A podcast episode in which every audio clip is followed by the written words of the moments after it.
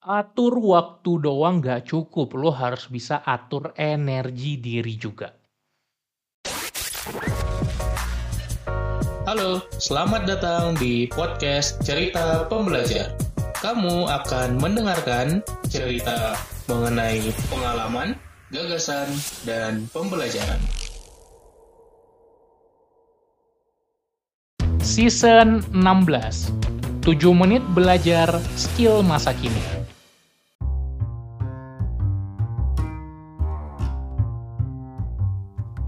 Halo, welcome back to podcast Cerita Pembelajar dan kali ini kita akan bahas tentang energy management.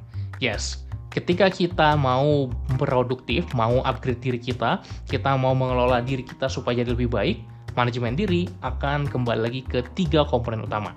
Yang pertama adalah time management, yang kedua adalah energy management, yang ketiga adalah fokus management. Manajemen waktu, manajemen energi, dan manajemen fokus.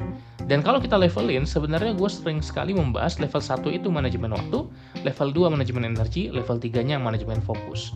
Tapi sebetulnya nggak harus kita pelajari level 1 dulu baru ke level 2. Namun kita memang perlu menguasai ketiga-tiganya.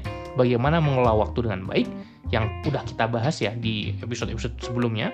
Kemudian hari ini kita akan bahas tentang mengelola energi. Gimana caranya kita bisa mengatur energi diri kita, dan untuk apa? Kalau manfaatnya tentu saja supaya kita bisa produktif, optimal sepanjang hari ya. Kerjanya tuh optimal. Kita punya energi yang cukup untuk bekerja dari pagi sampai malam tanpa burnout. Pernah nggak lo ngerasa udah punya jadwal, udah punya daftar tugas, tinggal ngerjain aja, tinggal ngelakuin aja, tapi malah nggak ngelakuin. Kenapa? Bukan waktunya yang nggak ada, tapi energinya yang habis. Pernah seperti itu? Masalahnya berarti bukan di manajemen waktu, masalahnya ada di manajemen energi diri. Kenapa? Karena waktunya udah ada gitu, udah termanage dengan baik. Nah, gimana caranya? Di energy management kita belajar tentang tipe-tipe energi.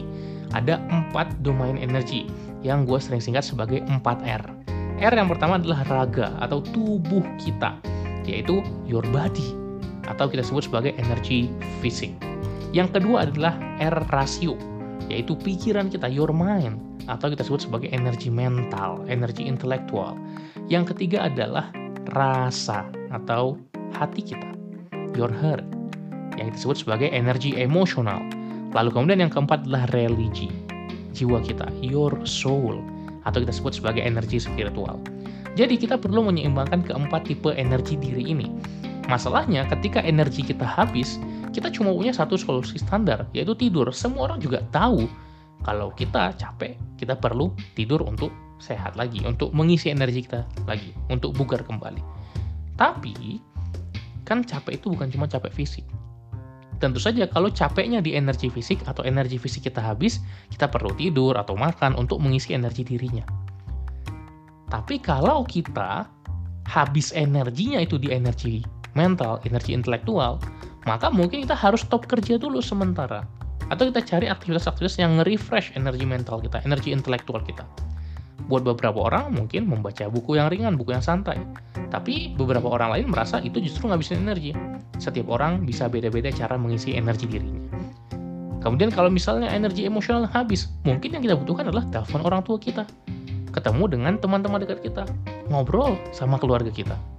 Kalau energi spiritual kita habis, mungkin yang perlu dibenahi adalah ibadahnya. Jadi ketika kita sedang capek, kita harus tanyakan ke diri kita kita ini lagi capek fisik, lagi capek mikir, lagi capek hati, atau lagi capek jiwa. Karena setiap capek akan beda obatnya, akan beda solusinya, akan beda istirahatnya. Itulah kenapa kita perlu punya yang namanya energy awareness, kesadaran emosi. Apa itu energy awareness? Energy awareness adalah bagaimana kita sadar level energi kita saat ini, hari ini, itu berapa persen. Sehingga kita tahu mana nih yang lagi perlu dibenahi Apakah masalah kita terlalu banyak mikir karena kerjaan? Tapi kita sehat-sehat aja, bugar-bugar saja. Sebagai contoh, gue hari ini kerja full. Ini malam by the way, gue kerja full dari pagi, siang, sore, malam di rumah saja. Dengan mana-mana. Tapi bisa jadi karena capek bekerja, maka terkurasnya energi mental atau energi berpikirnya. Jadi ketika kita mencoba memahami dan mengenali level energi diri kita, kita akan semakin memunculkan kesadaran, oh ini toh energi yang perlu di charge. Nah, ini gue bahas secara lebih lengkap di sebuah program 30 Day Mastery atau program 30 hari kita namanya Infinite Energy Balance. Bagaimana kita punya energi yang infinite yang gak habis-habis dan seimbang semua tipe energi tadi. Ada raga, ada rasio, ada rasa, ada religi. Atau ada energi fisik, energi mental, energi emosional, dan energi spiritual. Nah, kalau buat lo sekarang, apa sih sebenarnya energi yang paling lo butuhkan? Lo butuh ngecharge energi diri yang mana? Mana yang perlu diutamakan saat ini? Coba silakan lo bisa merenungkan dan lo boleh juga curhat atau share ke IG story apa yang lo pelajari hari ini sambil melakukan reflection. Reflection itu penting banget. Kita harus ambil check in ke diri kita. Kan kita sering ya dicek oleh manajer kita, eh gimana sekarang kerjaannya, eh gimana progresnya, gimana projectnya, aman nggak? Kita selalu melakukan professional check-in, tapi tidak melakukan personal check-in. Apa itu? Tanyakan ke diri kita sendiri. Eh sekarang apa sih yang gue rasain? Eh sekarang apa sih yang gue pikirin? Sekarang energi gue gimana sih? Lakukan personal check-in itu untuk meningkatkan kesadaran terhadap energi diri kita. Semua perubahan dimulai dari awareness atau kesadaran dulu. Ketika kita sadar, kita perlu berubah, maka kita akan tahu apa yang perlu diubah, sehingga kita bisa berubah dan akhirnya menikmati hasil dari perubahan. Gue ulang ya, ketika kita sadar, kita perlu berubah. Artinya di situ ada awareness, maka kita naik level. Kita tahu apa yang perlu diubah, understanding.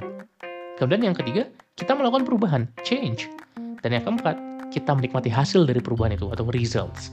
Jadi semua dimulai dari awareness dulu, kesadaran dulu.